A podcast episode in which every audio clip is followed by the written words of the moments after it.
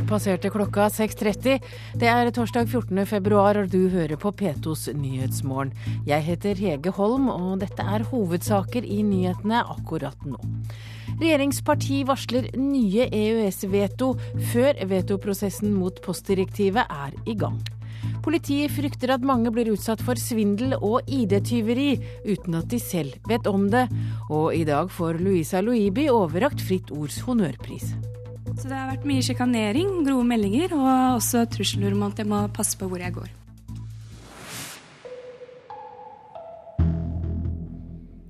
Ja, for mens regjeringspartiene krangler om de skal legge ned veto mot vikarbyrådirektivet, har det skjedd lite i Norge som for snart ett år siden varslet EU om at vi ikke vil innføre postdirektivet. Og det skaper problemer for Posten, sier konsernsjef Dag Meidel. Forslaget fra eh, Rogaland er vedtatt med 181 stemmer. Det er snart et år siden landsmøtet i Ap gikk imot ledelsen og stemte for et veto mot postdirektivet, til glede for de som jobber i Posten. Nei, altså Det betyr jo at vi får lov å beholde arbeidsplassene våre. da. Postdirektivet åpna for mer konkurranse, og kritikerne mente direktivet kunne føre til ulik porto rundt om i landet, og at distrikta ikke fikk post på lørdagene. Vi skulle gjerne hatt en avklaring rundt Eh, postdirektivet, og om det skal implementeres i Norge eller ei. Det ser konsernsjef i Posten Dag Meidel. Han mener det er uheldig at det snart har gått et år uten at vi vet hvordan EU vil håndtere saka videre. Problemet er jo usikkerhet. Vi eh, har stor nedgang i, i brevvolumene, og da må vi hele tiden gjøre det vi kan for å tilpasse oss til endret bruk av, av Postens tjenester. Utenriksminister Jonas Gahr Støre har informert EU om at Norge vil bruke reservasjonsretten. Nå er det opp til EU, sier han. Det påligger både Norge og EU å forsøke å finne løsninger på dette, fordi eh, det er det reservasjonsretten handler om. at det eh, må gås nye runder med sikte på å finne løsning. Det at EU ikke har kommet med tilbakemelding, hvordan tolker du det? Ja, det vil en egentlig ikke gi noe tolkning. Eh, de har mye annet som foregår om dagen. Eh, men eh, jeg regner jo med at denne saken må opp på dagsordenen på et eller annet vis i tiden som kommer. I går fortalte Senterpartileder Liv Signe Navarsete at de nå vil at Norge skal legge ned veto mot nok et direktiv. Ja, Vikarbyrådirektivet eh, er saken. Hun er ikke urolig for at vi ennå ikke vet hva som blir konsekvensene av det forrige vetoet. Nei, At EU er sendrektige i sin tilbakemelding på postdirektivet, kan jo ikke ha noen innvirkning på vårt standpunkt til et annet eh, viktig direktiv. Dette var første gang det ble nedlagt veto, og vi vet ennå ikke hvordan resultatet blir. Hva tenker du om det? Nei, men jeg tror at uh, det vi kan slå fast, er at dette har ikke forårsaka noen rystelser i EU. Hvis det hadde gjort det, så hadde vi nok fått tydelig beskjed uh, veldig fort. Ja, og det var det Liv Signe Navarsete som sa til reporter Siri Gjørts. Kredittvurderingsbyrået Moody's senker nå kredittverdigheten til Italia, Portugal og Spania. Samtidig kategoriseres utsiktene for, som negative for Frankrike, Storbritannia og Østerrike, og Moody's begrunner vurderingen med at gjeldskrisen i eurosonen utsetter landene for økt finansiell og makroøkonomisk risiko.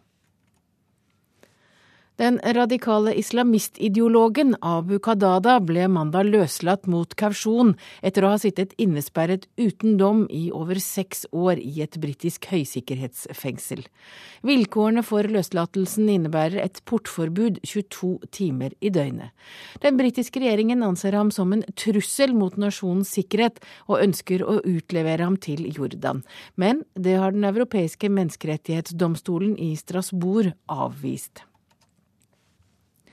I USA brygger det nå opp til skattekrig mellom president Obama og republikanerne. I går lanserte Obama sitt budsjett for neste år, og der varsler han bl.a. en skatteøkning for de aller rikeste i USA.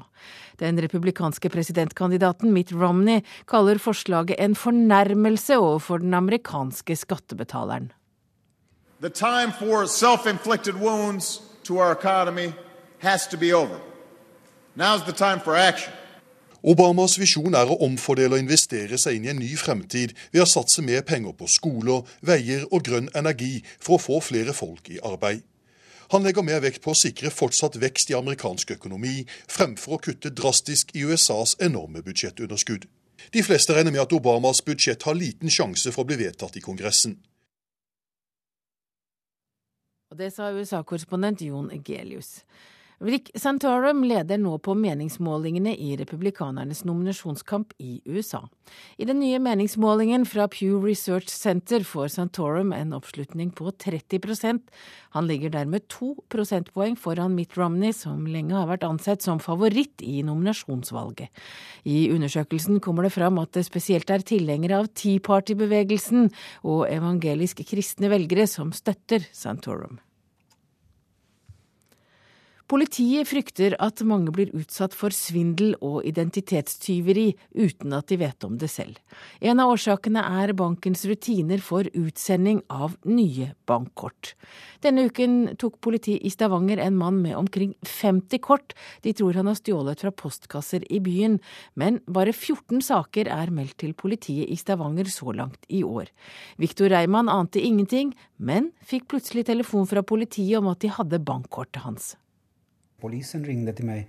Eh, det kändes overkligt å ena siden og ganske, ganske jobbigt.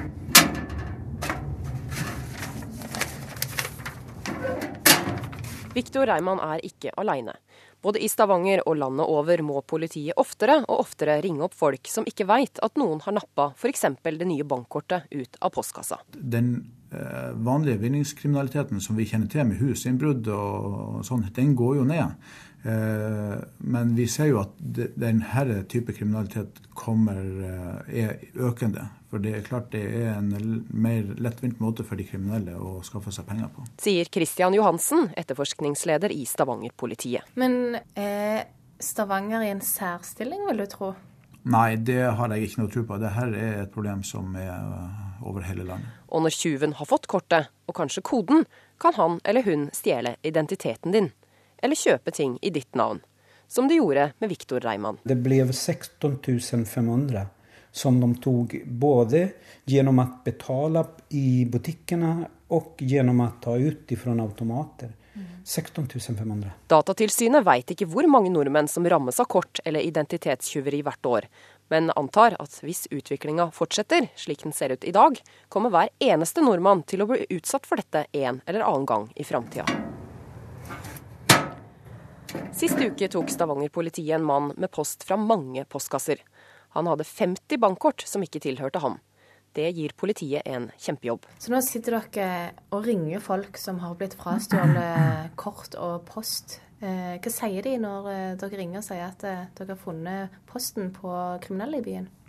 Ja, De aller fleste vet jo ikke engang at de er blitt frastjålet kortene sine, for de har ikke vært klar over at det har kommet nye kort i posten til dem. Og så de er jo noe overrasket. En av årsakene er måten banken gir deg nytt kort på, mener Johansen. Når de nærmer seg utløpsdatoen sin, så sender banken ut nye kort automatisk. Du vet ikke at de kommer, eh, du går ikke og venter på det.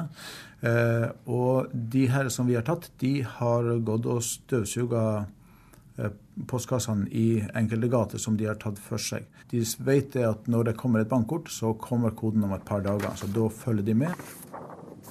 Den er til bruk internt. Den er til bruk for kunden. For Ikke alle banker gjør det samme, men i Sparebank1 SR-Bank slutta de å sende koden i posten etter bankkortet i 2009. Men informasjonssjef Frode Sandal mener flere har et ansvar. Vi har en oppgave i forhold til å håndtere dette med gode rutiner, sånn at vi ikke legger opp til at det skal være enkelt å stjele. Og så har kundene et ansvar i forhold til bl.a. å holde eh, kodene sine personlige. Ikke si det til noen. Vi oppfordrer òg til å ha lås på postkassen. Ja, der fikk vi de gode rådene, og reporter her var Mari Rålag Evensen. Da er vi kommet fram til dagens ferske avisrunde. LOs sjeføkonom kaller Hellas en sosial tragedie på forsiden av Klassekampen. Regård frykter at de harde kuttene kan forlenge lidelsen for grekerne, og mener at EUs kriseprogram er for lite ekspansivt. Strømkunder vil spare tusenvis av kroner i året hvis nettselskaper slår seg sammen. Det viser en analyse som Nasjonen skriver om i dag. 126 nettselskaper kan reduseres til mellom 10 og 15, mener sjef i Agder Energi. I går var bensin og diesel rekorddyr i pumpene, skriver Bergensavisen. 15 kroner literen, og prisen kan krype over 16 kroner, tror ekspertene. Statssekretær Robin Koss i Helsedepartementet mener fastleger som ikke vil henvise gravide til abort, bør finne på noe annet å gjøre. Det sier han til Vårt Land. Dagbladet skriver om mangemilliardæren fra New Zealand som akkurat nå seiler i området der Jarle Andhøy befinner seg. Milliardæren sier at han nekter å redde Andhøy og vil la ham synke. Han mener Andhøy bare er en egoist på jakt etter oppmerksomhet og sponsorkroner. Bråstopp for demokratiseringsprosessen i Afrika, skriver Aftenposten. Etter to tiår med positiv utvikling har nå nær halvparten av landene sør for Sahara gått i motsatt retning, skriver avisen. Dagsavisen skriver om vikarbyrådirektivkrise for Jens. SV truer med dissens, Senterpartiet krever veto, AUF sier nei, og en samlet fagbevegelse krever omkamp. Og nå har også tolv lokallag i Arbeiderpartiet sagt nei til vikarbyrådirektivet. VG skriver om Annika, Susanne og Jon, som nå har delt livet i sammen i fem år. I VG gir de tre råd til hvordan bevare kjærligheten i et trekantforhold. Og Bergens Tidende forteller historien om kvinnen som sendte 900 000 kroner til en kjæreste hun aldri hadde møtt. Ingen er lettere å lure enn amorøse nordmenn, skriver BT.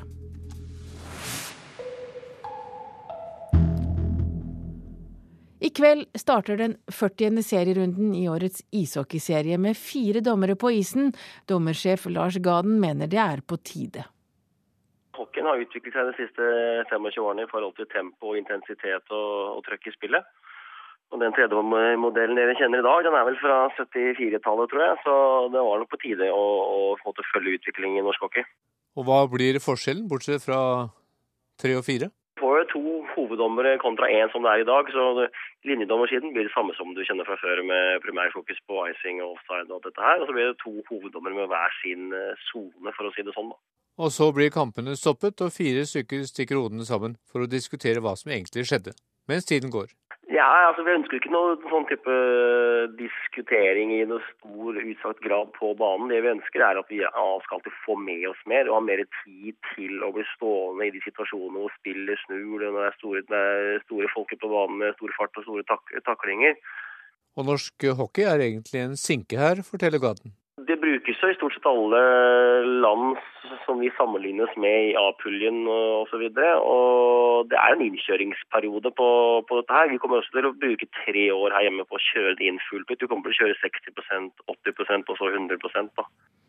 Og reporter her var Ole Jakob Jorseth. Hører på Nyhetsmorgen i NRK P2 og Alltid nyheter. Klokka er 6.43, og dette er hovedsaker i nyhetene. Regjeringsparti varsler nye EØS-veto uten å vite hva som skjedde med det forrige. Politiet frykter mange blir utsatt for svindel og ID-tyveri uten at de vet det selv. Og 22.07-berørte kommuner har fått tilbud om Widerberg-skulptur uten å få vite at det allerede finnes en nesten lik skulptur.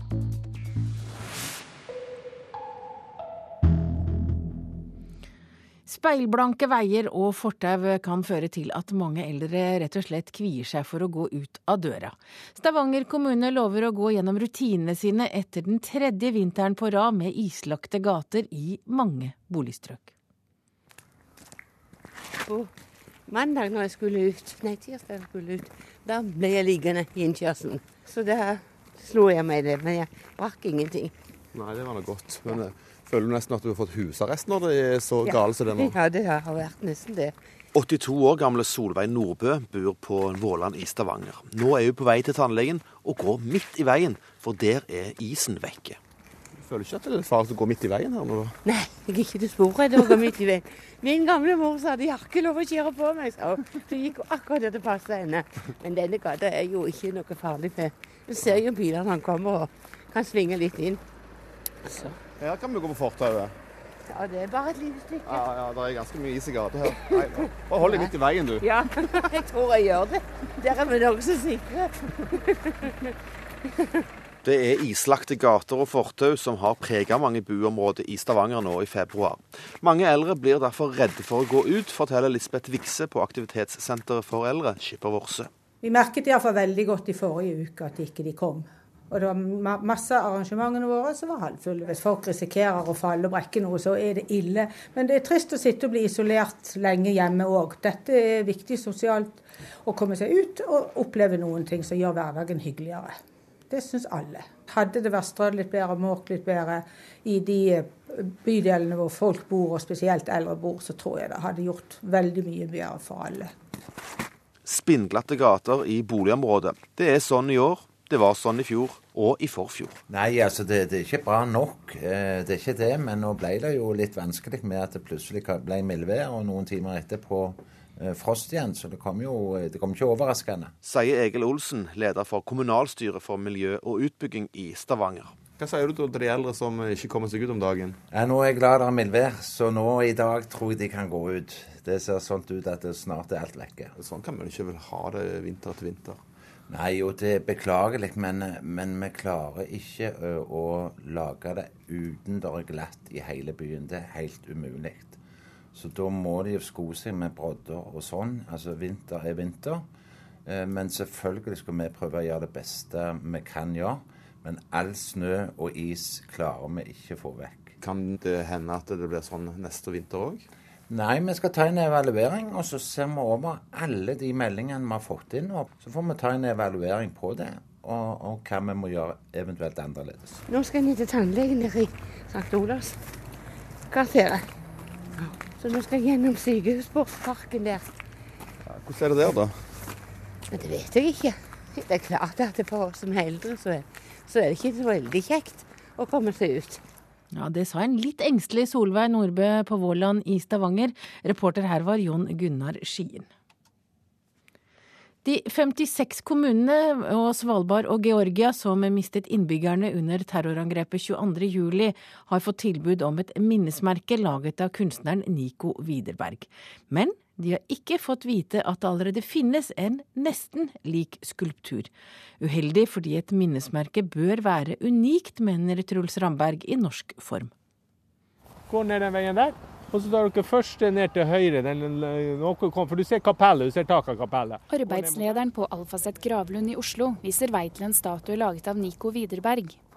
Blant bjørketrær i en minnelund for dem som ikke ønsker individuell grav står en hul, firkantet steinblokk med silhuetter av en menneskekropp skåret ut av steinen. Den er svært lik minnesmerket Widerberg har laget i norske kommuner etter 22.07. Eh, jeg tenker at det er et typisk Widerberg-monument. Eh, Kunsthistoriker Truls Ramberg i norsk form betrakter skulpturen laget i 1998, og synes likheten med 22.07-minnesmerket er problematisk. Fordi eh, da, da forbinder man det jo enda mindre med Utøya. Hvis det hadde vært et eh, arbeid som bare hadde vært laget til eh, Utøya, eller som et moment for Utøya, så hadde det vært bedre. Når man minnes noe, en begivenhet eller en annen person, så skal det være unikt. Statens fagorgan for kunst i offentlige rom, KORO, reagerer også på at minnesmerket ligner et annet. Seniorrådgiver Bo Wallstrøm mener det er uheldig. Hvis det kan assosieres til et annet minnessted eller minnesmerke, så er vel det litt uheldig. Dette her skal jo på en måte være for de berørte, og også for, for en helt spesiell hendelse som har skjedd. Så det bør ikke assosieres til andre minnesteder så konkret som i dette tilfellet. Kunstneren selv, Nico Widerberg, sier 22.07-minnesmerket ikke er noen kopi av minnesteinen på Alfaset gravlund, men at han har brukt erfaringer fra tidligere kunstverk i arbeidet med skulpturen. Det er ikke samme skulpturen, men selvfølgelig har den noen samme løsningen. og det det, det, var ikke noe jeg på en måte tenkte bevisst på at jeg har gjort eh, en sånn skulpturløsning, på en måte, men det er mer en erfaring, mulighet. Altså, den, den, er jo annerledes. Og samtidig som den har en sammenheng. Jeg håper at skulpturen på en måte skal, skal få en betydning, ikke som min signatur, men at jeg må få lov til å bruke meg selv i det. Det er jo et kunstverk. Det ser ut som en billig løsning, spør du meg, da, å gjøre det samme to ganger. NRK viser fram bilder av de to lignende Widerberg-skulpturene til folk i Oslo. Nei, altså jeg har ikke noe problem med de minner om hverandre. Det er måske inspirert av. Ja, det syns jeg jo ikke er helt uh, i orden. For det skulle jo være noe som knytter seg til 22.07, og det gjør jo ikke det. Nei, altså, Det syns jeg ikke er helt ålreit. Jeg likte det, men nå, nå syns jeg ikke det var så, så fint lenger. Ja, og Reportere her var Bo Wallstrøm, nei, reportere her var Ida Kvittingen og Gjermund Jappé. En rekke statlige etater må skjerpe seg sånn at språket blir enklere og folk forstår hva de mener. Det gjelder ikke minst Nav, som får 11 000 henvendelser hvert år fordi språket er for dårlig.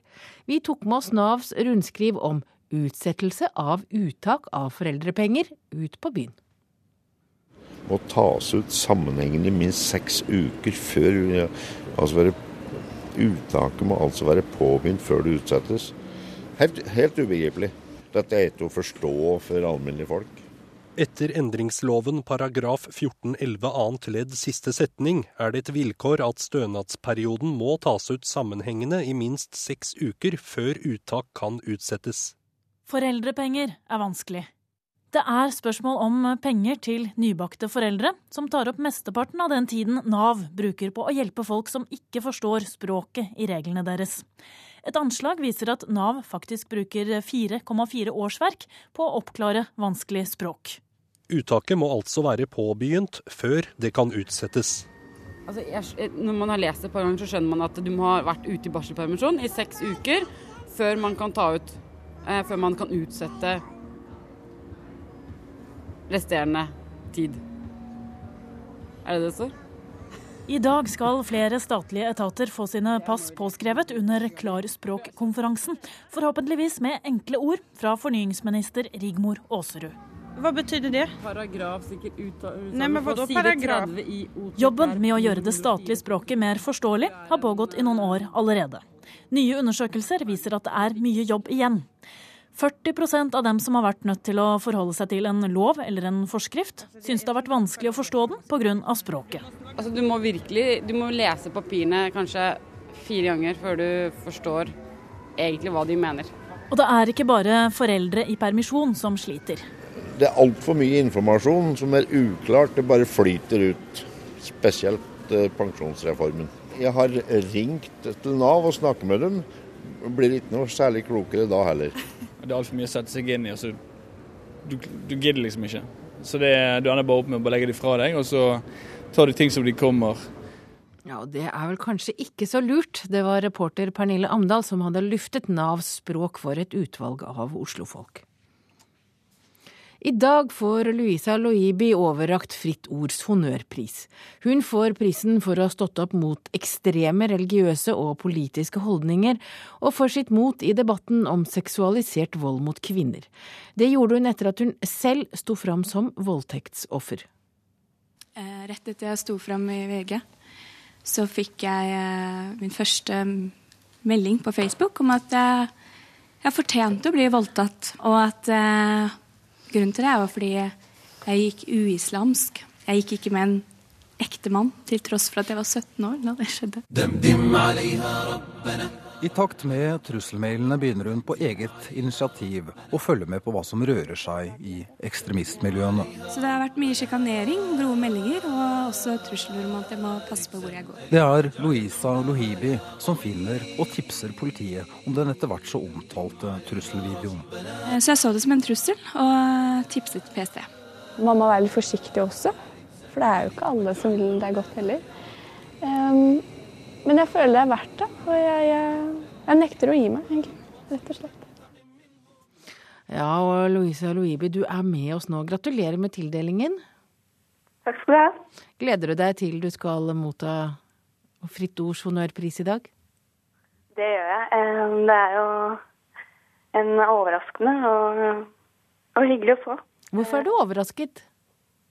Nei, jeg forventet ikke å få en pris for uh, i det hele tatt. Så, men det er hyggelig. Og det er hyggelig å få en uh, type anerkjennelse for uh, arbeid man har gjort. da. Som vi hørte i innslaget her, så har det jo ikke bare vært enkelt for deg å stå fram, og du har jo engasjert deg i voldtektsdebatten. Du har fortalt om egne opplevelser, og du har også fulgt med på nett og sett hva som skjedde. Har du noen gang vært i tvil om du skal være i offentligheten? Um, jeg har ikke vært i tvil ennå, men uh, jeg føler jeg har vært det så lenge uh, Så lenge jeg har gitt et eh, ansikt til voldtektsofrene, og eh, de føler seg litt bedre av det. Eh, og så føler jeg at eh, det med fokus rundt ekstremisme eh, også er verdt det for å, å eh, få flere unge mennesker til å være litt mer forsiktige. Du har tidligere sagt at en kan ikke være et offer hele livet. Hvordan har du kommet deg videre? Jeg har kommet meg videre med å gjøre dette her eh, til et politisk engasjement. Og det er jo eh, Selv om det er også personlige eh, erfaringer i det. Men det er jo først og fremst en Først og fremst er en Arbeiderpartipolitiker og ikke et offer lenger. Så det å komme seg gjennom noe som er veldig vanskelig, hvis en bare hever det utover sitt eget liv, så er det lettere å komme videre? Hva sa du nå?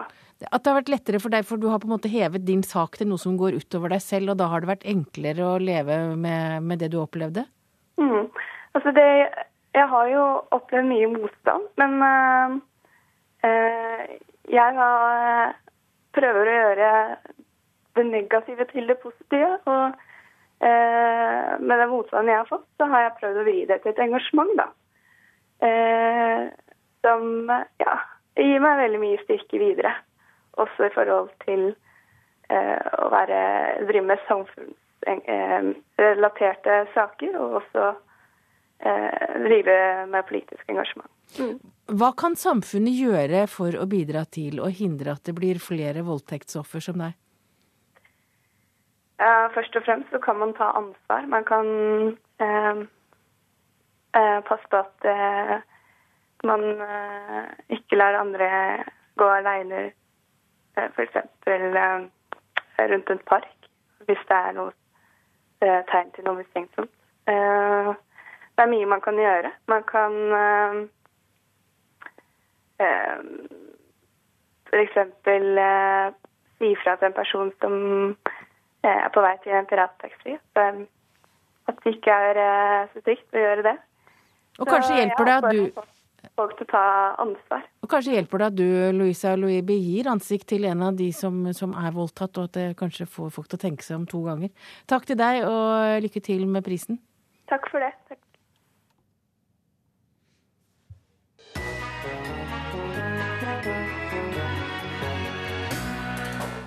Høyresida i USA kaller det et frontalangrep på landets religionsfrihet, mens venstresida kaller det for kvinneforakt. Saken er at den katolske kirka nå må betale for sine ansattes p-piller. Du får høre om den rasende politiske debatten om den katolske kirkas forhold til prevensjon i Radioselskapet etter Dagsnytt klokka 11. Og da har vi kommet fram til et værvarsel som gjelder til midnatt. Østlandet og Telemark i kveld nordvestlig liten kuling utsatte steder. Fra i ettermiddag litt snø nord for Mjøsa, men ellers skyet eller delvis skyet, stort sett oppholdsvær. Agder fra i ettermiddag vestlig liten kuling på kysten. Litt regn vesentlig i vestlige strøk, snø i høyden. I kveld nordvestlig liten kuling, stiv kuling vest for Lindesnes. Rogaland regnbyger og sluddbyger, snøbyger i indre strøk. I ettermiddag økning til nordvest sterk kuling, fortsatt enkelte byger. Hordaland og Sogn og Fjordane i ettermiddag nordvest sterk kuling, sluddbyger og snøbyger, regnbyger i ytre strøk. Møre og Romsdal fra ettermiddag nordvest sterk kuling, kan hende liten storm, snøbyger, sluddbyger eller regnbyger i lavlandet og ytre strøk. Trøndelag vestlig stiv og periodevis sterk kuling. I kveld regne nordvest. Snøbyger, regnbyger eller sluddbyger på kysten. Helgeland økning til sørlig liten periodevis stiv kuling. Sluddbyger, snøbyger i indre og høyere strøk. I kveld nordlig stiv kuling. Saltfjellet, Salten og Ofoten i ettermiddag økning til nordøstlig periodevis stiv kuling på kysten, etter hvert oppholdsvær. Lofoten og Vesterålen fra ettermiddag nordøstlig liten kuling, kortvarig stiv kuling, fortsatt enkelte snøbyger i vest. Troms nordøstlig frisk bris på kysten. Fra i ettermiddag stiv kuling, litt snø, senere enkelte snøbyger, vesentlig på kysten. Kyst- og fjordstrøkene i Vest-Finnmark. På kysten i nordøstlig liten kuling, fra i ettermiddag litt snø. Sørvestlig stiv kuling som minker til frisk bris på, i kyst- og fjordstrøkene i Øst-Finnmark. Og på Spitsbergen nordøstlig frisk bris, dreiende nordlig.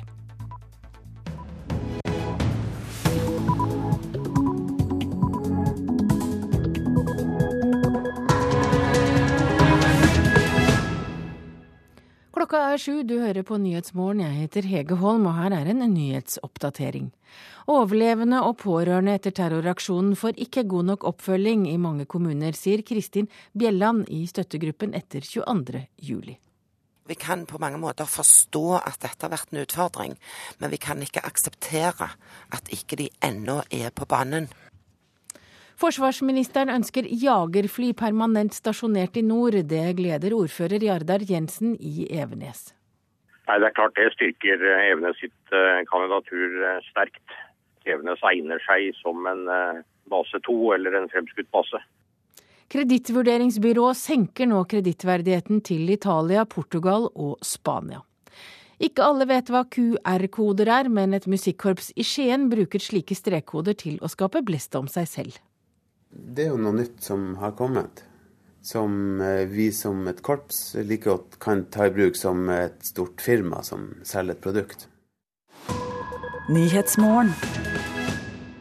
Flere kommuner gir ikke god nok oppfølging til overlevende og pårørende etter 22. juli. Nesten syv måneder etter 22. juli har mange fortsatt ikke fått psykolog eller har kontaktperson i kommunen. Det forteller støttegruppen etter 22. juli. Helsedirektoratet erkjenner at oppfølgingen fortsatt er for dårlig. Det har betydd masse. Det har betydd nesten alt. En samtalegruppe for overlevende og pårørende i Årnes i Akershus de møtes jevnlig for å snakke og bearbeide. Det er god oppfølging i Nes kommune, sier Geir Sverdrup. Datteren hans var på Utøya. Oppfølgingen har betydd mye. Etter det som skjedde, og med dattera vår og det traumene vi opplevde, så har faktisk livet gått videre, og vi har fungert. Og da tenker jeg at eh, da må dette har hatt en betydning. For dette tror jeg ikke jeg hadde fiksa sjøl. I noen kommuner har det fungert veldig bra. I andre kommuner så vet jeg at da, der er det ikke noe tilbud. Det forteller talsperson for støttegruppa i Akershus, Terje Solvik. Mange har ikke fått psykolog eller kontaktperson i kommunen. Det er foreldre, og det er uh, AUF-ere, og det er søsken som må ordne seg selv. De må selv finne ut av hvordan de skal takle dette. Uh, og det, Sånn syns jeg ikke det skal være. og det det er jo ikke den instruksen kommunen har fått heller. Mange kommuner rundt om i landet gjør mye, men mange gjør ingenting. Det er ikke godt nok, sier styremedlem i den nasjonale støttegruppa Kristin Bjelland. Da er det noen kommuner som har tatt dette på alvor. Satt i gang eh, konkret personlig kontakt med de rammede. Opprettet grupper for overlevende ungdommer, for etterlatte, for foreldre.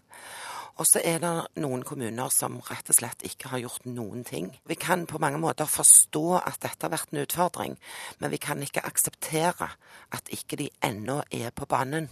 Jeg er ikke tilfreds når jeg får eh, rapporter fra støttegruppen om at eh, mange ikke får den hjelpen som de har behov for. Det sier assisterende helsedirektør Bjørn Gullvåg.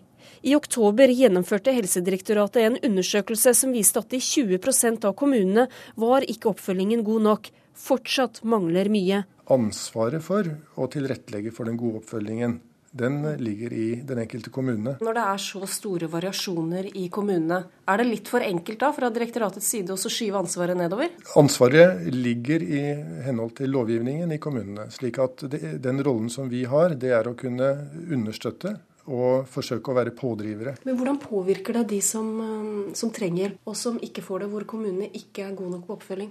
Jeg vil tro at de, eh, de føler seg veldig alene, og at de selv må søke kontakt eh, i sitt eget nettverk eh, for å, for å få hjelp.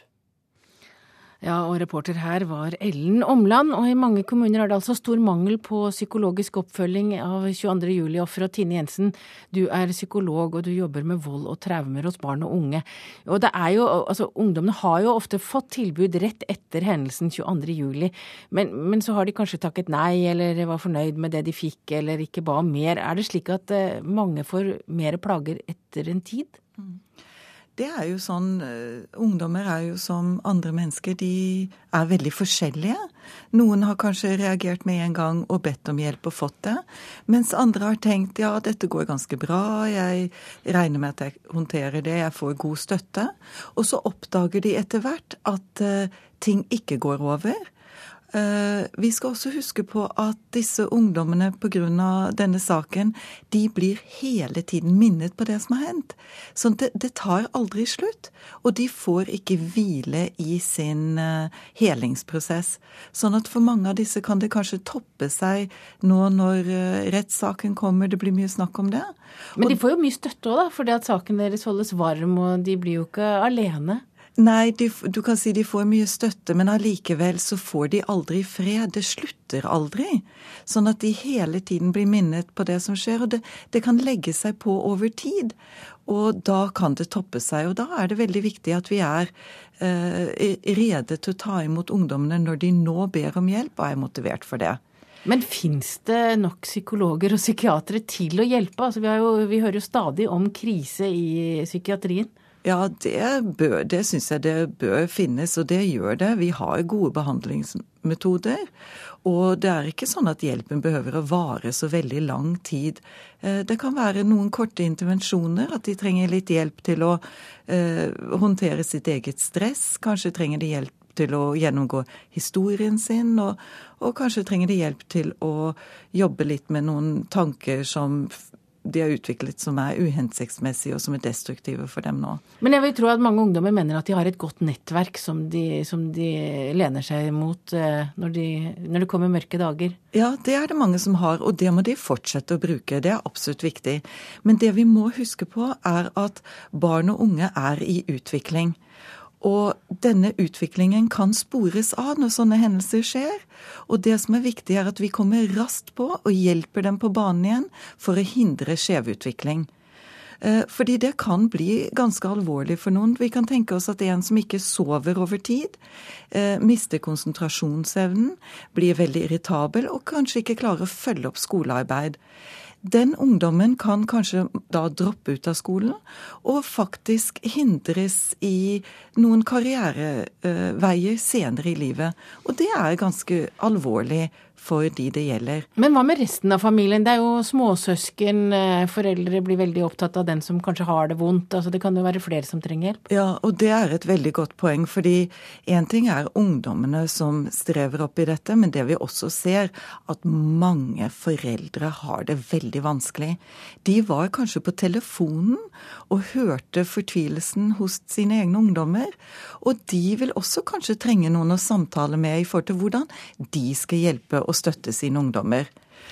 Det vi ser, er at de også har blitt engstelige, så kanskje de, uten å ville det, bidrar til å holde ungdommene hjemme. Kanskje de bidrar til å forsterke den frykten og, og redselen ungdommene har, istedenfor å, å hjelpe dem ut av hjemmet og inn i gode utviklingsspor. Så du, i hvert fall din oppfordring til kommuner som ikke har et system i dag, skaff dere? Absolutt. og da kan man ta kontakt med, med psykologer og Det kan man, og det, vi har god kunnskap, og den hjelpen fins. Takk til deg, Tine Jensen. Du er psykolog og jobber altså med vold og traumer hos barn og unge. Vi må ha kampfly permanent stasjonert i Nord-Norge, det sa forsvarsminister Espen Barth Eide da han besøkte Bodø i går. Samtidig var han klar over at kostnadene ved valg av Bodø som en base er problematiske. Når jeg sier pengene ikke avgjør, så gjelder det begge veier. Det handler om store summer når forsvarsminister Espen Barth Eide i går besøkte Bodø. Det er kun uker før regjeringa avgjør hvor Norges framtidige jagerflybase skal ligge. Og Barth Eide var i går klar på at han uansett pris vil ha kampfly permanent stasjonert i nord. Jeg mener at det er av sikkerhetspolitiske grunner helt nødvendig å ha permanent tilstedeværelse i Nord-Norge. Og det kan skje enten ved å legge hovedbasen her, eller å ha hovedbasen et annet sted, altså Ørland. Og så ha en, en fremskutt operasjonsbase som står for det daglige nærværet. Og dersom forsvarsministeren går for Ørland som hovedbase, står valget om en framskutt base mellom Andøy, Evenes og Bodø. Og i dag besøker Barth Eide Evenes.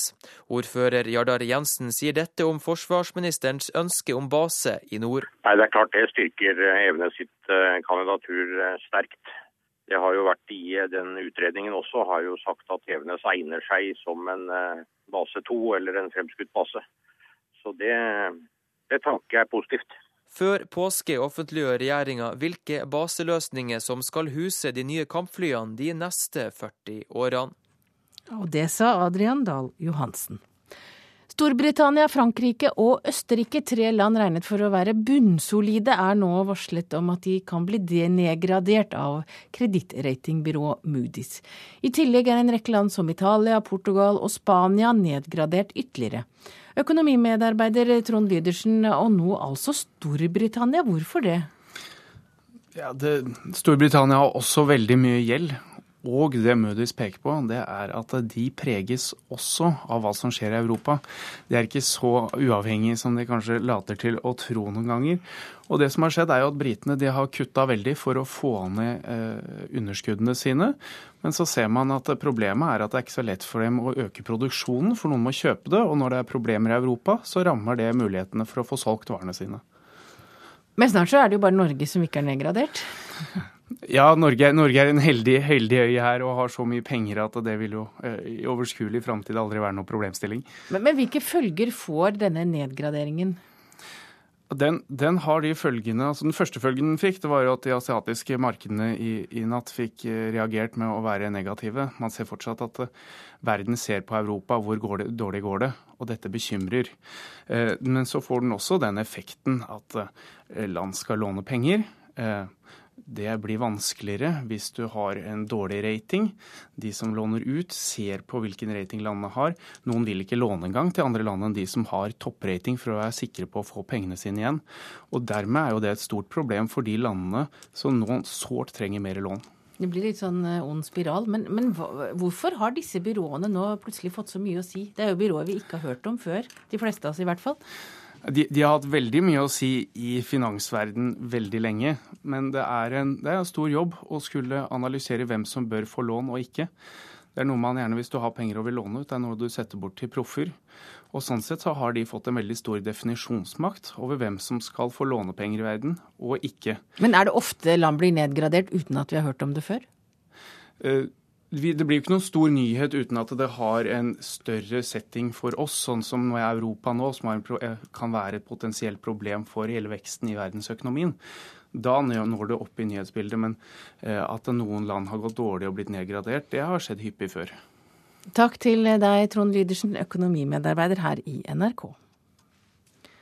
Akkurat nå snakker EU-lederne Van Rompuy og Barroso om gjeldsproblemene med den kinesiske statsministeren Wen Jiabo i Kinas hovedstad Beijing. Og der er også du Asia-korrespondent Anders Magnus. Er det sannsynlig at Kina vil investere i et fond for gjeldsslette i EU? Nei, det er vel ikke så stor sannsynlighet. Nå skal jeg ikke si helt sikkert hva som kommer til å skje, for møtene er jo ikke ferdige enda. Men det har ikke vært noen eh, lekkasje så langt som skal tyde på det. og Tidligere så har jo både Wen Jiabao, eh, statsministeren, og også sjefen for det statlige eh, fondet her i Kina sagt at de vil heller investere i infrastruktur i EU enn å investere i fond som skal brukes til gjeldslette. Men, men snakker de kun om gjeld? Nei, de snakker, skal også snakke om denne kontroversielle karbonskatten på flyreiser som EU skal innføre fra neste år, som Kina ikke vil betale. Og så skal de snakke om markedsadgang for EU-bedrifter på det kinesiske markedet. Det er jo vanskelig for europeiske bedrifter å komme inn på dette markedet her, og det har blitt vanskeligere de siste årene, særlig fordi at eh, store statlige kinesiske bedrifter har overtatt så mye av økonomien her. Og dette er også amerikanerne opptatt av. Og eh, Obama, eh, president i USA, møter i dag Kinas visepresident Xi Jinping i Washington. og da blir det også snakk om eh, at amerikanerne ønsker lettere markedsadgang eh, til Kina, og også motsatt. Kina klager også over eh, at det er vanskelig med markedsadgang i, USA. Så det er mye økonomisnakk om dagen. Men, men hva kan komme ut av besøket til Xi i USA? Sannsynligvis ikke så mye konkret. Eh, fordi at Xi han har ikke makten enda, så han kan ikke gi noen lovnader. Og dessuten så vil det ta lang tid før han får eh, etablert seg såpass at han kan gjøre det. Dette er en slags eh, prøve for han, en slags ilddåp og godkjenning i møte med verdens mektigste nasjon. Og så, så man må først og fremst se på det som et slags goodwill-besøk. Men vil Xi endre kommunistpartiets politikk i Kina? Det er mange som håper det, særlig fordi at han hadde en far som ble rart hammet av Mao. Han, eh, han ble sendt 14 år i arbeidsleir av eh, den gamle diktator Mao Zedong. Eh, og faren hans fordømte også massakren på Den himmelske freds plass. Men samtidig så er det mange som sier at Xi kan ikke gjøre noe særlig likevel, fordi selv om han måtte være liberal, så har han ikke noen sterk nok maktbase. Han er avhengig av eh, et slags kollektivt lederskap, slik at uh, han må styre etter de samme retningslinjer som er nå. Og akkurat uh, de siste årene har jo vært en innstramming av alle slags friheter uh, i Kina som ikke har vært verre siden 1989. Så det er, det er absolutt ikke en stemning her nå som faren hans ville ha likt. Takk til deg, Asia-korrespondent Anders Magnus. Klokka er 7.15. Du hører på Nyhetsmorgen i NRK P2, og dette er hovedsaker akkurat nå. Overlevende og pårørende etter terroraksjonen får ikke god nok oppfølging i mange kommuner, mener støttegruppen etter 22.07. Forsvarsministeren ønsker jagerfly permanent stasjonert i nord. Det styrker Evenes som framskutt base, sier ordfører Jardar Jensen. Og kredittvurderingsbyrå senker kredittverdigheten til Italia, Portugal og Spania. Også Storbritannia, Frankrike og Østerrike kan risikere nedgradering.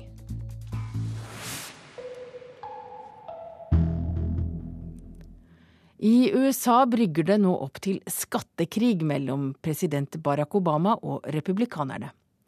I går lanserte Obama sitt budsjett for neste år, og der varsler han bl.a. en skatteøkning for de rikeste i landet. Den republikanske presidentkandidaten Mitt Romney kaller forslaget en fornærmelse overfor det amerikanske skattebetaleren. President Obama prøver seg igjen. Han vil at de rikeste i USA skal betale mer skatt. Han foreslår å øke skattene for alle som tjener 250 000 dollar, eller rundt 1,5 millioner norske kroner.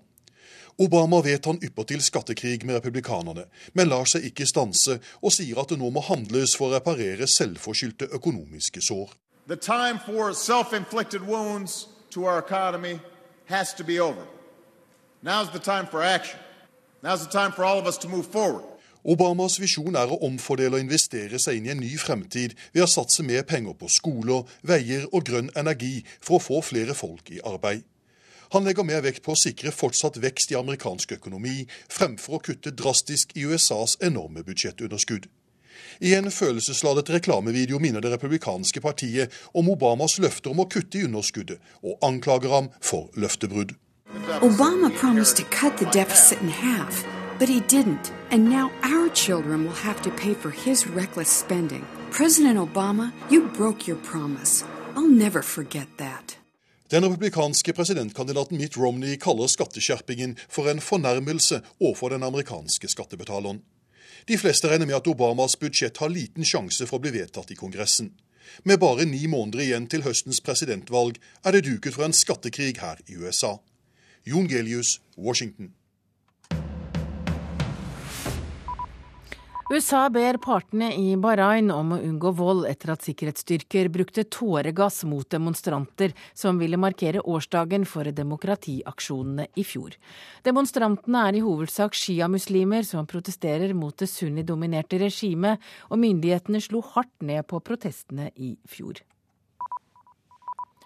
Israel anklager Iran for å stå bak en bombeeksplosjon utenfor den israelske ambassaden i India i går, der minst to mennesker ble såret. Utenfor den israelske ambassaden i Tiblisi i Georgia ble det også funnet en bombe, men den ble detonert før den gikk av, og Israel mener Iran står bak disse og andre angrep mot israelere i flere land, noe Iran avviser som en del av en propagandakrig. I Colombia skal de nå prøve ut et nytt redskap i kampen mot terror, nemlig rotter. Forsøk viser at rottenes gode luktesans gjør dem velegnet til å finne eksplosiver. Bilbomber er ikke uvanlig i Colombia, og tidligere denne måneden ble 15 mennesker drept i ulike bombeangrep. Uenigheten i FNs sikkerhetsråd går hardt utover sivilbefolkningen i Syria. Det sa FNs høykommissær for menneskerettigheter i går kveld. Anslag tyder på at flere enn 5400 mennesker ble drept av syriske sikkerhetsstyrker i fjor. Mange av dem sivile, men også soldater som nekter å skyte sivile, blir skutt og drept. Høykommissær, Navi Pillai mener Sikkerhetsrådets mangel på handling har åpnet for at syriske styrker kan slå ned på all motstand. The failure of the Security Council to agree on firm collective action appears to have emboldened the Syrian government to launch an all out assault in an effort to crush dissent with overwhelming force. Ja, Det var altså i går kveld at FNs høykommissær for menneskerettigheter orienterte FNs hovedforsamling om situasjonen i Syria, og hun konkluderte med at det trolig er begått forbrytelser mot menneskeheten. Og utenrikskommentator i NRK Gro Holm, hvor omfattende forbrytelser kan det være snakk om?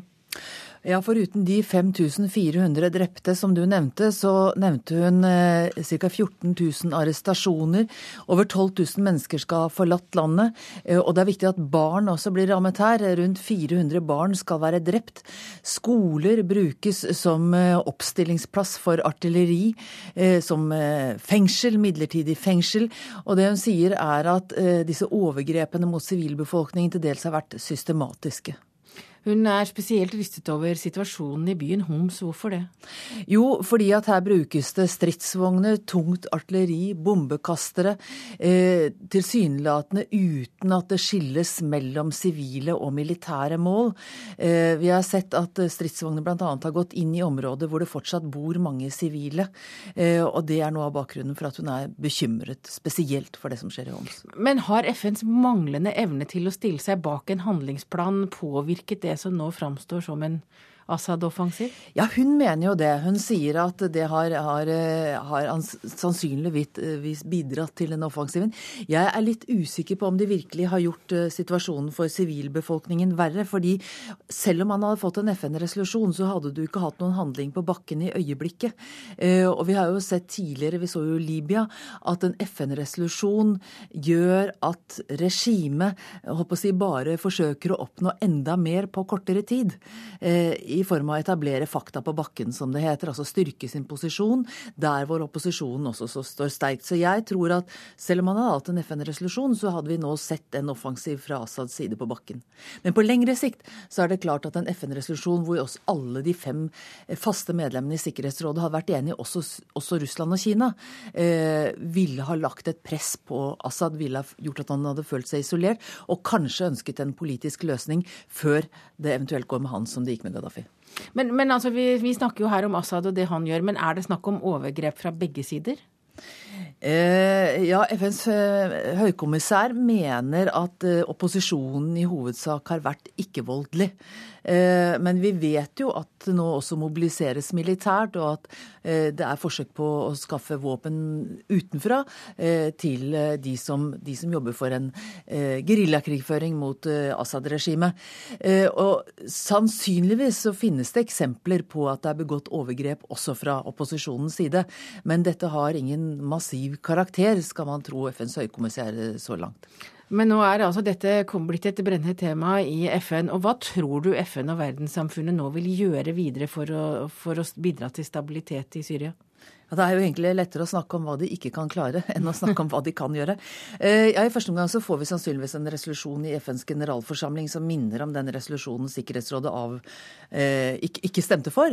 Men en resolusjon i generalforsamling vil jo ikke ha samme bindende karakter så lenge de fem faste medlemmene av Sikkerhetsrådet ikke er enige.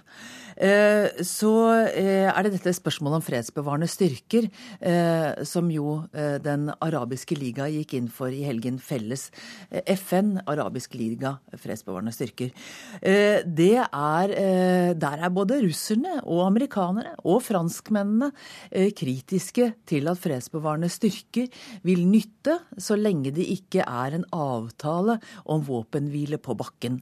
Alle tre har i løpet av det siste døgnet etter, etter at høykommissæren var ute, uttalt seg. Storbritannias utenriksminister er for så vidt positiv til fredsbevarende styrker, men han sier at de bør bestå av ikke-vestlige soldater. Så skal det være et møte i Tunisia neste fredag, altså om halvannen uke. Såkalt venner av Syria som skal diskutere situasjonen. Men der er vi. Det er møter, møter og møter. Ingen konkrete tiltak så langt. Takk til deg, utenrikskommentator her i NRK, Gro Holm. Og da har vi kommet fram til en runde med ferske aviser. LOs sjeføkonom kaller Hellas en sosial tragedie i Klassekampen. Regård frykter at de harde kuttene kan forlenge lidelsen for grekerne, og mener at EUs kriseprogram er for lite ekspansivt. Strømkunder vil spare tusenvis av kroner i året hvis nettselskaper slår seg sammen, skriver Nasjonen. I går var bensin og diesel rekorddyr i pumpene, skriver Bergensavisen. Statssekretær Robin Koss i Helsedepartementet mener at fastleger som ikke vil henvise gravide til abort, bør finne på noe annet å gjøre, skriver Vårt Land. Dagbladet skriver om mangemilliardæren fra New Zealand som akkurat nå seiler i området der Jarle Andhøy befinner seg. Milliardæren sier at han vil nekte å redde Andhøy og vil la ham synke. Han mener Andhøy bare er en egoist på jakt etter oppmerksomhet og sponsorkroner. Bråstopp for demokratiseringsprosessen i Afrika, skriver Aftenposten på sin første side. Dagsavisen skriver om vikarbyrådirektivkrise for Jens. SV truer med dissens, Senterpartiet krever veto, AUF sier nei, og en samlet fagbevegelse krever omkamp. VG skriver om Annika, Susanne og Jon som har delt livet i fem år. I VG gir de tre råd til hvordan bevare kjærligheten i et trekantforhold.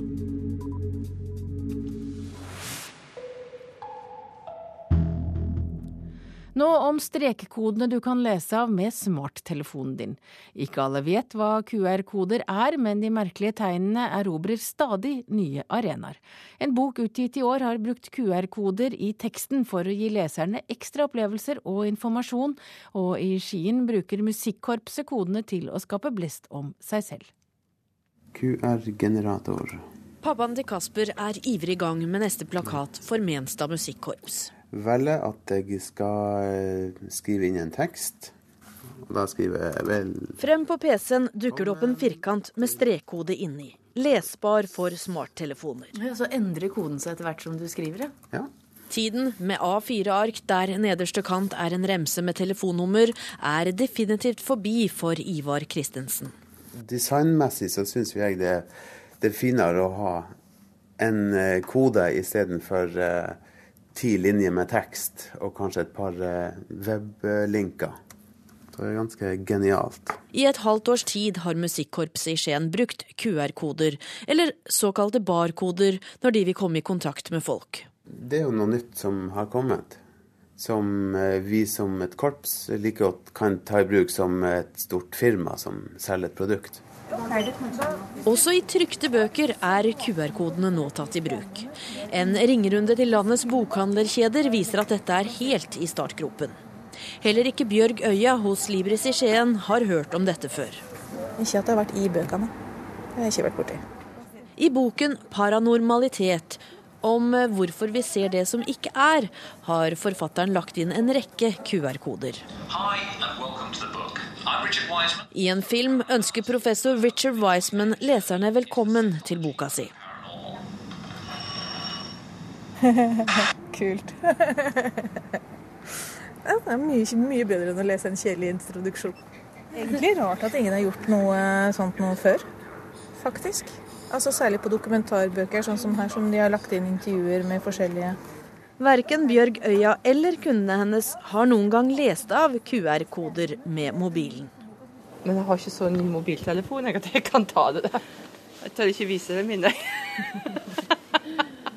ja, jeg har vel lest om det, men eh, jeg har ikke vært borti det og brukt det. Kommer du til å bruke det? Ja, det er godt mulig. men da må jeg ha en, eh, en sånn som du sier, en smarttelefon eller et eller annet. Mm. Hos Ivar Christensen er korpsplakatene ferdige. På det oppslaget her, her er det bilde av musikere fra Menstad. Eh, og det har en QR-kode. At det ennå er få som vet å bruke kodene, tar han med stor ro. Det er eh, mange som syns det er veldig spennende at korpset liksom tar, imot, tar, i bruk sånn moderne eh, kommunikasjonsformer og vise at eh, korps det er inn, og det er kult. Så dere har fått bedre image ved å bruke disse kodene? Ja, Det skal ikke jeg påstå. Men det er en del av, eh, av en fornyelse. Ja, Da vet vi hva QR-kode er. Reporter var Anne Katrine Syversen. Om et øyeblikk er det Dagsnytt. Etter Dagsnytt skal vi høre at i Russland får Vladimir Putin støtte fra religiøse ledere, og han blir nok valgt til president. Produsent for Nyhetsmorgen, Jan Erik Bjørnskaug, og jeg heter Hege Holm.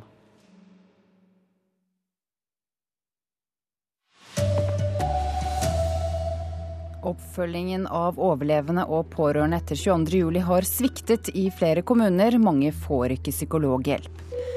Politiet frykter at folk blir utsatt for ID-tyveri uten at de selv vet det. Norges største snøbrettstjerne lover et spektakulært VM i Oslo. God morgen, her er NRK Dagsnytt klokken 7.30. Flere kommuner gir ikke god nok oppfølging til overlevende og pårørende etter 22.07. Nesten sju måneder etter terrorangrepet har mange fortsatt ikke fått psykolog eller kontaktperson i kommunen. Det opplyser støttegruppen etter 22.07. Og Helsedirektoratet erkjenner at oppfølgingen er for dårlig. Har betydd masse. Det har betydd nesten alt. En samtalegruppe for overlevende og pårørende i Årnes i Akershus. De møtes jevnlig for å snakke og bearbeide. Det er god oppfølging i Nes kommune, sier Geir Sverdrup. Datteren hans var på Utøya. Oppfølgingen har betydd mye. Etter det som skjedde, og med dattera vår og det traumene vi opplevde, så har faktisk livet gått videre, og vi har fungert. Og da tenker jeg at eh, da må dette hatt en betydning. For dette tror jeg ikke jeg hadde fiksa sjøl. Og så er det noen kommuner som rett og slett ikke har gjort noen ting. Det forteller Kristin Bjelland, styremedlem i den nasjonale støttegruppa. Mange kommuner gjør mye, men mange gjør ingenting. Flere overlevende og pårørende har fortsatt ikke fått psykolog eller kontaktperson i kommunen. Vi kan på mange måter forstå at dette har vært en utfordring, men vi kan ikke akseptere at ikke de ennå er på banen. Jeg er ikke tilfreds når jeg får eh, rapporter fra støttegruppen om at eh, mange ikke får den hjelpen som de har behov for. Det sier assisterende helsedirektør Bjørn Gullvåg. I oktober gjennomførte Helsedirektoratet en undersøkelse som viste at i 20% av kommunene var ikke oppfølgingen god nok. Fortsatt mangler mye. Ansvaret for å tilrettelegge for den gode oppfølgingen, den ligger i den enkelte kommune. Når det er så store variasjoner i kommunene, er det litt for enkelt da fra direktoratets side å skyve ansvaret nedover?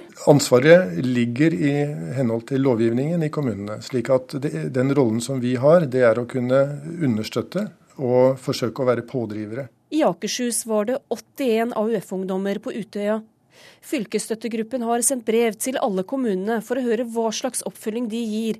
Det forteller talsperson for støttegruppen Terje Solvik. Det er foreldre, og det er uh, AUF-ere, og det er søsken som må ordne seg selv. De må selv finne ut av hvordan de skal takle dette. Det er jo ikke den instruksen kommunen har fått heller. Reporter Ellen Omland. Det er alvorlig at kommunen ikke følger godt nok opp, sier psykolog ved Nasjonalt kunnskapssenter om vold og traumatisk stress, Tine Jensen. Det vi må huske på, er at barn og unge er i utvikling. Og denne utviklingen kan spores av når sånne hendelser skjer. Og det som er viktig, er at vi kommer raskt på og hjelper dem på banen igjen for å hindre skjevutvikling. Eh, fordi det kan bli ganske alvorlig for noen. Vi kan tenke oss at en som ikke sover over tid, eh, mister konsentrasjonsevnen og kanskje ikke klarer å følge opp skolearbeid. Den ungdommen kan kanskje da droppe ut av skolen og faktisk hindres i noen karriereveier senere i livet. Og det er ganske alvorlig for de det gjelder. Leger som nekter henvisning til abort, kan ikke være fastleger, sier statssekretær i Helsedepartementet Robin Koss. Rundt 170 leger har til nå skrevet under på et protestopprop mot departementet, som slår fast at fastleger ikke kan reservere seg mot å utføre oppgaver som strider mot egen samvittighet. Koss sier til Vårt Land at leger med samvittighetskvaler bør finne seg noe annet å gjøre. Mens regjeringspartiene krangler om veto mot vikardirektivet, vet vi fortsatt ikke hva som blir konsekvensen av det forrige EØS-vetoet. Snart ett år etter at Arbeiderpartilandsmøtet stemte mot postdirektivet, er prosessen i EU ennå ikke satt i gang. Og det skaper problemer for Posten. Forslaget fra eh, Rogaland er vedtatt med 181 stemmer. Jubelen sto i taket da Ap-landsmøtet gikk imot ledelsen og stemte for et veto mot postdirektivet. Nei, altså Det betyr jo at vi får lov å beholde arbeidsplassene våre. da. Kritikerne mente direktivet ville gi ulik porto rundt om i landet, og at distriktene ikke fikk post på lørdagene. Nå har det snart gått et år, og det er ennå ikke klart hva EU vil gjøre videre i saka. Det er uheldig, mener konsernsjef i Posten, Dag Meidel. Vi skulle gjerne hatt en avklaring rundt Eh, postdirektivet, og om det skal implementeres i Norge eller ei. Utenriksminister Jonas Gahr Støre har gjort det klart for EU at Norge ikke vil innføre postdirektivet. Nå er det de som må ta neste steg. Det påligger både Norge og EU å forsøke å finne løsninger på dette, fordi eh, det er det reservasjonsretten handler om. at det må gås nye runder med sikte på å finne løsning. I går fortalte Senterpartileder Liv Signe Navarsete at de nå vil at Norge skal legge ned veto mot nok et direktiv, denne gangen vikarbyrådirektivet. Hun er ikke urolig for at vi ennå ikke vet hva som blir konsekvensene av det forrige vetoet. Nei, At EU er sendrektige eh, i sin attendemelding på postdirektivet, kan jo ikke ha noen innvirkning på vårt standpunkt til et annet eh, viktig direktiv. Reporter Siri Hjørts. Det ligger an til skattekrig mellom president Obama og republikanerne i USA. I går lanserte Obama sitt budsjett for neste år, og der varsler han bl.a. en skatteøkning for de aller rikeste i USA. Den republikanske presidentkandidaten Mitt Romney kaller forslaget en fornærmelse overfor den amerikanske skattebetaleren. President Obama prøver seg igjen. Han vil at de rikeste i USA skal betale mer skatt. Han foreslår å øke skattene for alle som tjener 250 000 dollar, eller rundt 1,5 millioner norske kroner. Obama vet han ypper til skattekrig med republikanerne, men lar seg ikke stanse og sier at det nå må handles for å reparere selvforskyldte økonomiske sår. The time for self-inflicted wounds to our economy has to be over. Now's the time for action. Now's the time for all of us to move forward. Obamas visjon er å omfordele og investere seg inn i en ny fremtid ved å satse mer penger på skoler, veier og grønn energi for å få flere folk i arbeid. Han legger mer vekt på å sikre fortsatt vekst i amerikansk økonomi, fremfor å kutte drastisk i USAs enorme budsjettunderskudd. I en følelsesladet reklamevideo minner det republikanske partiet om Obamas løfter om å kutte i underskuddet, og anklager ham for løftebrudd. Obama promised to cut the deficit in half. But he didn't, and now our children will have to pay for his reckless spending. President Obama, you broke your promise. I'll never forget that. Den republikanske presidentkandidaten Mitt Romney kaller skatteskjerpingen for en fornærmelse overfor den amerikanske skattebetaleren. De fleste regner med at Obamas budsjett har liten sjanse for å bli vedtatt i Kongressen. Med bare ni måneder igjen til høstens presidentvalg er det duket for en skattekrig her i USA. Jon Gelius, Washington.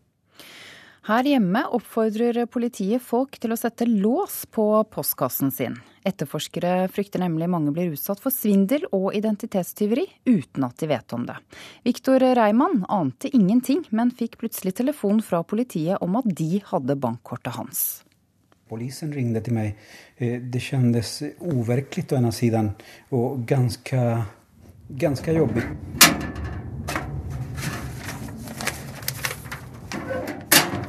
Viktor Reimann er ikke aleine. Både i Stavanger og landet over må politiet oftere og oftere ringe opp folk som ikke veit at noen har nappa f.eks. det nye bankkortet ut av postkassa. Vi ser jo at denne type kriminalitet er økende. Sier Kristian Johansen, etterforskningsleder i Stavanger-politiet. Dette er et problem som er øh, over hele landet. Og når tjuven har fått kortet, og kanskje koden, kan han eller hun stjele identiteten din.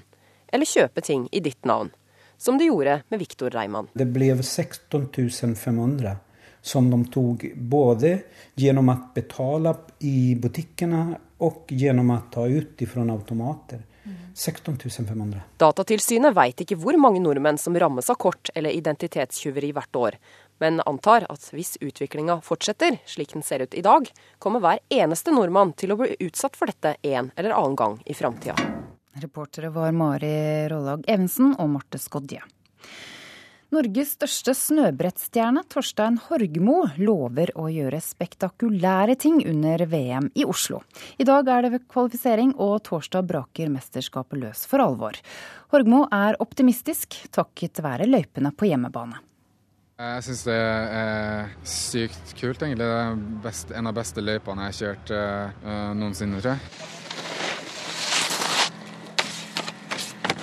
24 år gamle Torstein Horgmo er en superstjerne internasjonalt. Nå tror han VM-løypa på hjemmebane kan bidra til at han kan vise seg fram, også i Norge. Teknisk sett så er det liksom tre helt forskjellige hopp. da, Det syns jeg er jævlig bra. Det går litt fort, da, men det er mye plass mellom uh, de forskjellige tingene. Reporter Mats Håby. Ansvarlig for sendingene denne morgenen er Gro Arneberg. Teknisk ansvarlig Odd Slåttland. Jeg heter Rida Creed.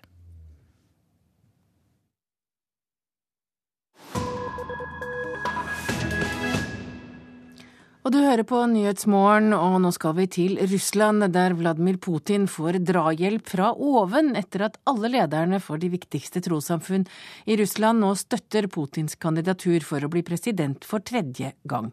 Overhodet for den russisk-ortodokse kirken mener 1990-tallet skadet Russland like mye som andre verdenskrig, og har utropt Putin til redningsmann.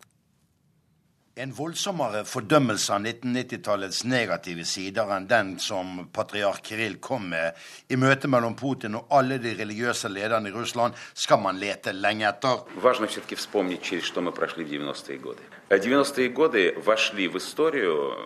Vi må huske hva vi gjennomgikk på 90-tallet, for dette tiåret var uår hva skjedde disse uårene? For det første rammet et fullt idémessig kaos. All ideologi ble ødelagt, noe som i og for seg ikke var så ille med tanke på kommunismen, som dominerte folk i sovjettiden. Men det frigjorde også de rene rovdyrsinstinkter hos folk, så idékaoset feide alt vekk, sa patriark Kirill, overhodet for den russisk-ortodokse kirken. Vladimir Putins hovedparole foran presidentvalget nå er at han kan sikre fortsatt stabilitet etter dette 90-tallet, som patriarken fordømte så utrolig hardt. Staten ble ranet, samfunnet ble ranet, og både økonomi og politikk ble ødelagt. Ja, landet ble ødelagt. Jeg vil si at det Russland gjennomgikk på 1990-tallet, kan sammenlignes med de største katastrofer i vår historie. Forvirringens tid på 1600-tallet, napoleonskrigene, borgerkrigen og Hitlers aggresjon mot oss samt borgerkrigen, sa patriark Kirill.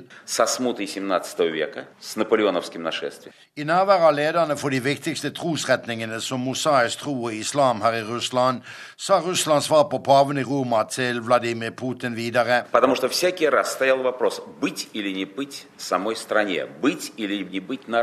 Hver gang var det et spørsmål om landets være eller ikke være. Det sto om det russiske folks eksistens og skal skadene og ødeleggelsene som russerne ble påført under 1990-tallet, sammenlignes med noe, så står det klart for meg at alt dette kan sammenlignes med de enorme tapene vi led under andre verdenskrig, sa patriarken og fortsatte. Vi klarte å komme oss ut av denne forferdelige, ødeleggende krisen for vårt folk. Og som patriark vil jeg si helt åpent, og jeg er kallet til bare å si sannheten, en enorm viktig rolle i arbeidet med å komme oss ut av 1990-tallets rystelser spilte de, Vladimir Vladimirovitsj, sa patriarken til statsminister Putin. Et klarere mandat fra den russiske kirkes overhode til en presidentkandidat skal en lete lenge etter, selv om den russiske kirke alltid visste å gi Herren hva Herrens var, og keiseren hva keiserens er. Og Vladimir Putin, han svarte.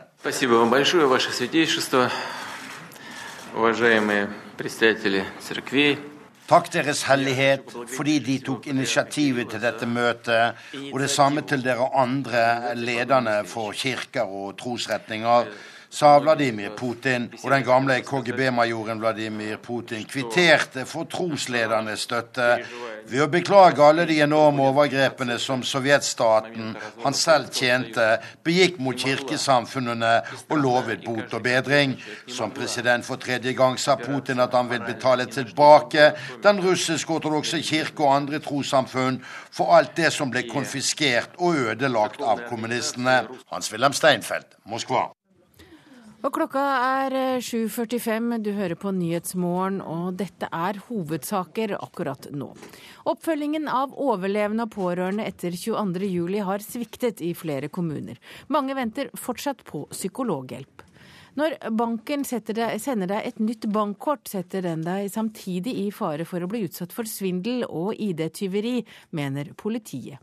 Og kredittvurderingsbyrået sender kredittverdigheten til Italia, Portugal og Spania. Senker altså kredittverdigheten. Også Storbritannia, Frankrike og Østerrike kan risikere nedgradering. Og da er det snart eh, tid for Politiske kvarter, og det handler om veto eller ikke veto, Sigrid Solund? Det er eh, riktig, og svaret fra Senterpartiet er nei.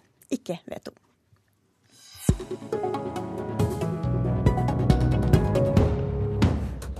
For eh, Senterpartiet mener vi skal bruke reservasjonsretten mot EUs vikarbyrådirektiv. Så det ble litt surrete dette jeg sa her. Men mens mange debatterer dette direktivet, har det eneste direktivet vi faktisk har reservert oss mot, nemlig postdirektivet, så langt ikke fått noen konsekvenser. EU har nemlig ikke svart Norge hvordan de vil forholde seg til det norske vetoet. Senterpartileder og kommunalminister Liv Signe Navarsete, hvordan tolker du det at EU ikke har kommet tilbake til oss om dette ennå? Nei, det, det kan en sikkert tolke på mange vis, men eh, jeg velger å tolke det slik at eh, denne saken ikke er av det mest prioriterte, vil jeg tro. I en tid der EU har mye interne mye intern trøbbel å ta seg av. Men eh, vi må jo kunne se det som at det ikke akkurat har forårsaka noe stor rystelse internt i EU at Norge har sagt nei. Viser det at det ikke var så farlig å legge ned veto likevel? Ja, jeg tror det viser at eh, det at vi bruker reservasjonsretten eh, til beste for norske interesser, eh, faktisk òg har respekt i EU, og det skulle jo bare mangle. Vi er jo to avtaleparter som selvsagt må ha respekt for at den andre parten ikke alltid er enig, og så må en diskutere seg fram til kompromiss og løsninger. Det er jo slik en gjør det ellers, og det skulle jo bare mangle at ikke vi gjør det slik òg i forhold til EU. Så den Frykten som har vært skapt helt siden 94 for å bruke reservasjonsretten, mener jeg er overdreven og helt eh, feil. Mener du det, Nikolai Astrup? Du er stortingsrepresentant for Høyre og også sentralstyremedlem i Europabevegelsen. Altså, det er jo slik at EUs eh, e grunnidé er at man skal ha like spilleregler. Og når da 27 land blir enige om et sett med spilleregler etter mange års eh, forhandlinger og dragkamp, så er det jo underlig at et land som Norge skal komme noen år senere og si at vi har signert på at vi skal ha de samme spillereglene som dere. Vi ønsker ikke å være med i beslutningsprosessen, men eh, vi vil gjerne ha unntak for det ene og det andre. Det tror jeg ikke kommer til å gå i lengden. Eh, og så får vi se hvordan dette postdirektivet utspiller seg. Det er klart at det er et spesielt direktiv, fordi der har man bedt om unntak for ting som man i utgangspunktet ligger utenfor direktivet. Så det er ikke rart at EU har problemer med å svare, fordi her er det jo slik at det er ingenting som hindrer oss i å ha ja, vi, går ikke inn i det direktivet, men, men viser det at det ikke var så farlig å sette ned foten likevel? Nei, fordi det er jo et dårlig eksempel. Eh, nettopp for, Nå skal vi ikke gå inn i direktivet, men det er et dårlig eksempel pga. direktivets natur. For det er ikke så mye å protestere mot. Eh, og så har EU litt andre ting på tallerkenen akkurat nå eh, enn å håndtere et veto mot noe som det ikke er grunn til å nedlegge veto mot. Navarsete, hvor mye handler dette om bekymring for direktivenes innhold og konsekvenser? Hvor mye handler det om generell EU- og EØS-skepsis hos dere i Senterpartiet? Eh, vi vurderer hvert direktiv for seg. Eh, og det er jo ikke lenge siden nå at vi har blitt kritisert fra Yasi om å svelle unna alt som kommer. Så Yasi må jo bestemme seg da, hva de mener egentlig om, om oss.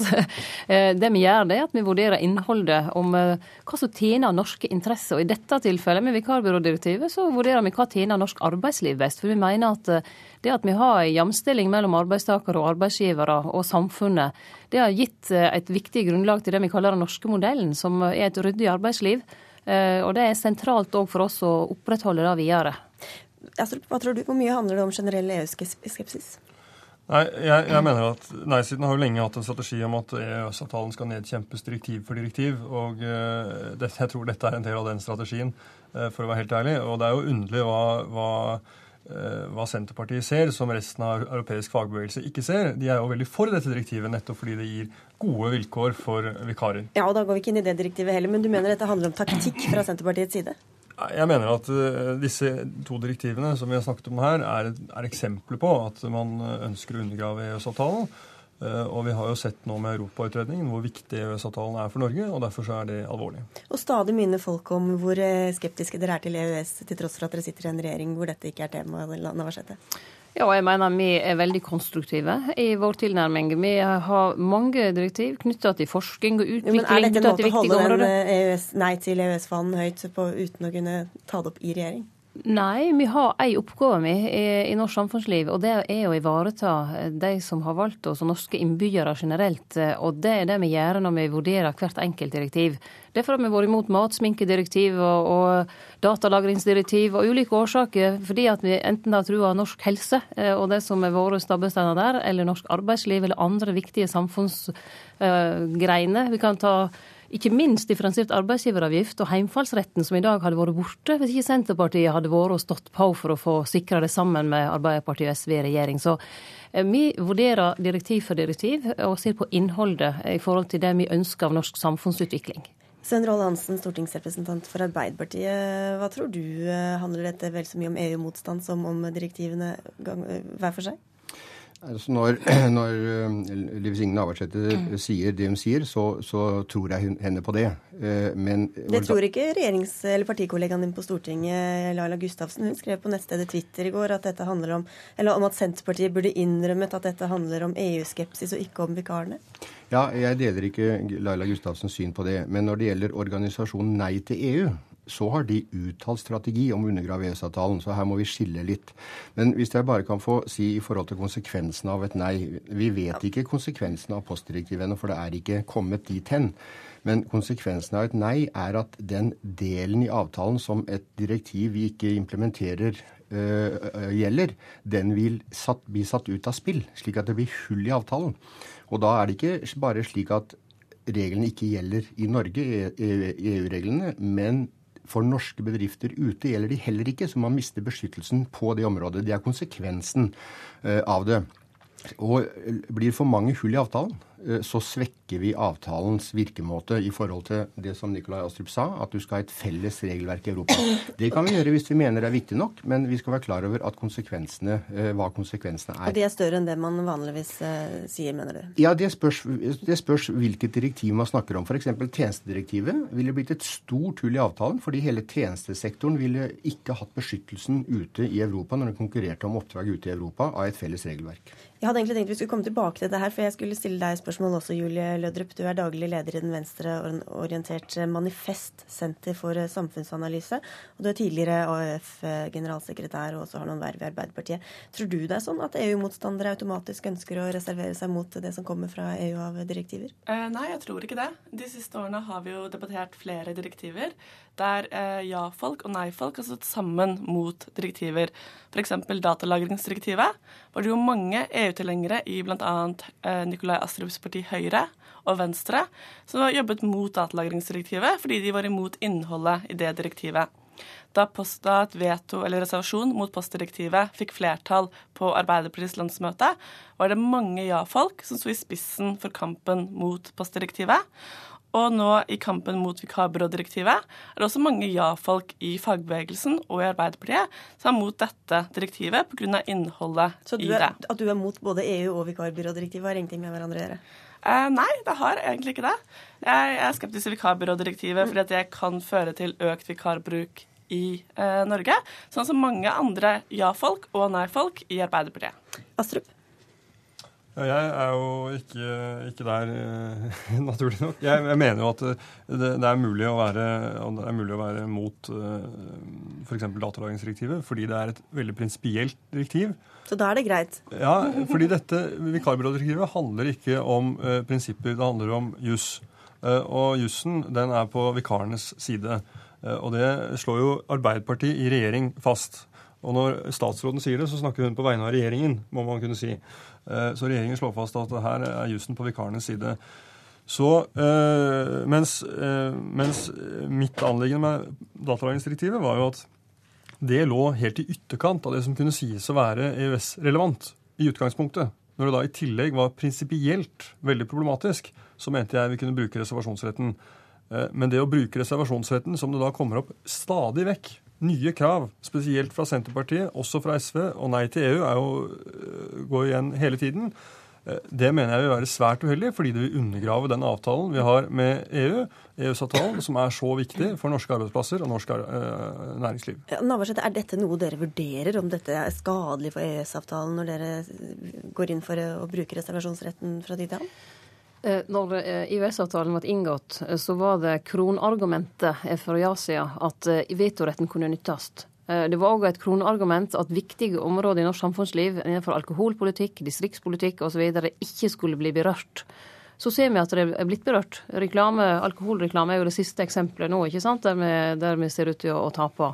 Uh, og, og da mener jeg virkelig at vi må ha den respekten for EU at de ser på oss som likeverdige parter. Vi er ikke medlemmer. Det glemmer av og til ja-sida.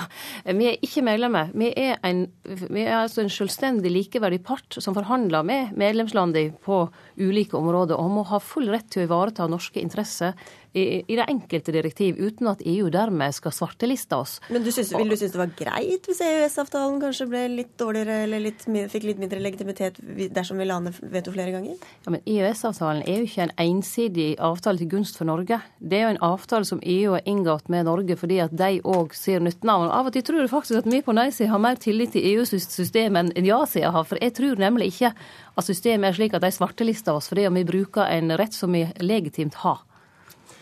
Men der jeg mener Liv Signe Navarsete nå tar feil, det er når hun bruker uttrykket svarteliste. Det handler ikke om svarteliste. Det handler om at en avtale som gir oss rett til å reservere oss, det er helt riktig, men da har det noen konsekvenser beskrevet i avtalen. Man skal forhandle. Finner man ikke en løsning, så skal vedkommende, altså angjeldende område som direktivet gjelder, bli satt ut av spill. Det er å ha respekt for hverandre og for avtalen. Og det handler ikke om å svarteliste, det handler ikke om å være slem. Det handler om en konsekvens av at vi ikke vil overta et regelverk. Da gjelder ikke det regelverket også norske bedrifter i utlandet. Så, så, å kalle det svartliste mener jeg er å, å, å, å altså skape en misforståelse om hva denne avtalen handler om. Og Det syns jeg statsråden skulle la være å gjøre. ok, Du får svare på kort på det, Navarsete. Ja, nei, Jeg mener ikke at jeg, eh, at jeg svartmåler det i forhold til den skrekkpropaganda som eh, Yasi har brukt helt siden 92 hvis en bruker vetoretten. Og det har, Dette er en litt ny type argumentasjon for det som hele tiden har vært sagt i alle sammenhenger. Jeg har vært i mange diskusjoner om dette. Det er jo hvor fryktelig det kommer til å gå hvis, eh, med EØS-avtalen hvis vi eh, sier nei til et direktiv. Da rokker vi ved hele avtalen. Det tror jeg er feil. Julie Lødrup, nå har vi hørt altså fra ja-siden her, eh, representert i Arbeiderpartiet ved Svein Roald Hansen, og du er eh, på nei-sida. Hvorfor hvorfor tror du at flertallet i, på Arbeiderpartiets landsmøte i fjor nokså overraskende stemte mot post, altså stemte for å, å motsette seg postdirektivet, mens motstanderne i denne saken om vikarbyrådirektivet ser ut til å tape. Uh, nei, I fjor så hadde det jo foregått en mobilisering i forkant på Arbeiderpartiets uh, landsmøte. Og saken ble behandlet på fylkesårsmøter i Arbeiderpartiet over hele landet. Og mange var bekymret for hvilke konsekvenser postdirektivet kunne få for distriktene. Og vi så jo at det var en, en sak som engasjerte mye mer i Eh, fylker hva si, lenger borte eh, fra Oslo enn det vi er her på Marienlyst. Og denne saken engasjerer jo eh, kanskje enda større grad fagbevegelsen. men her har jo kanskje motstanden kommet litt sent.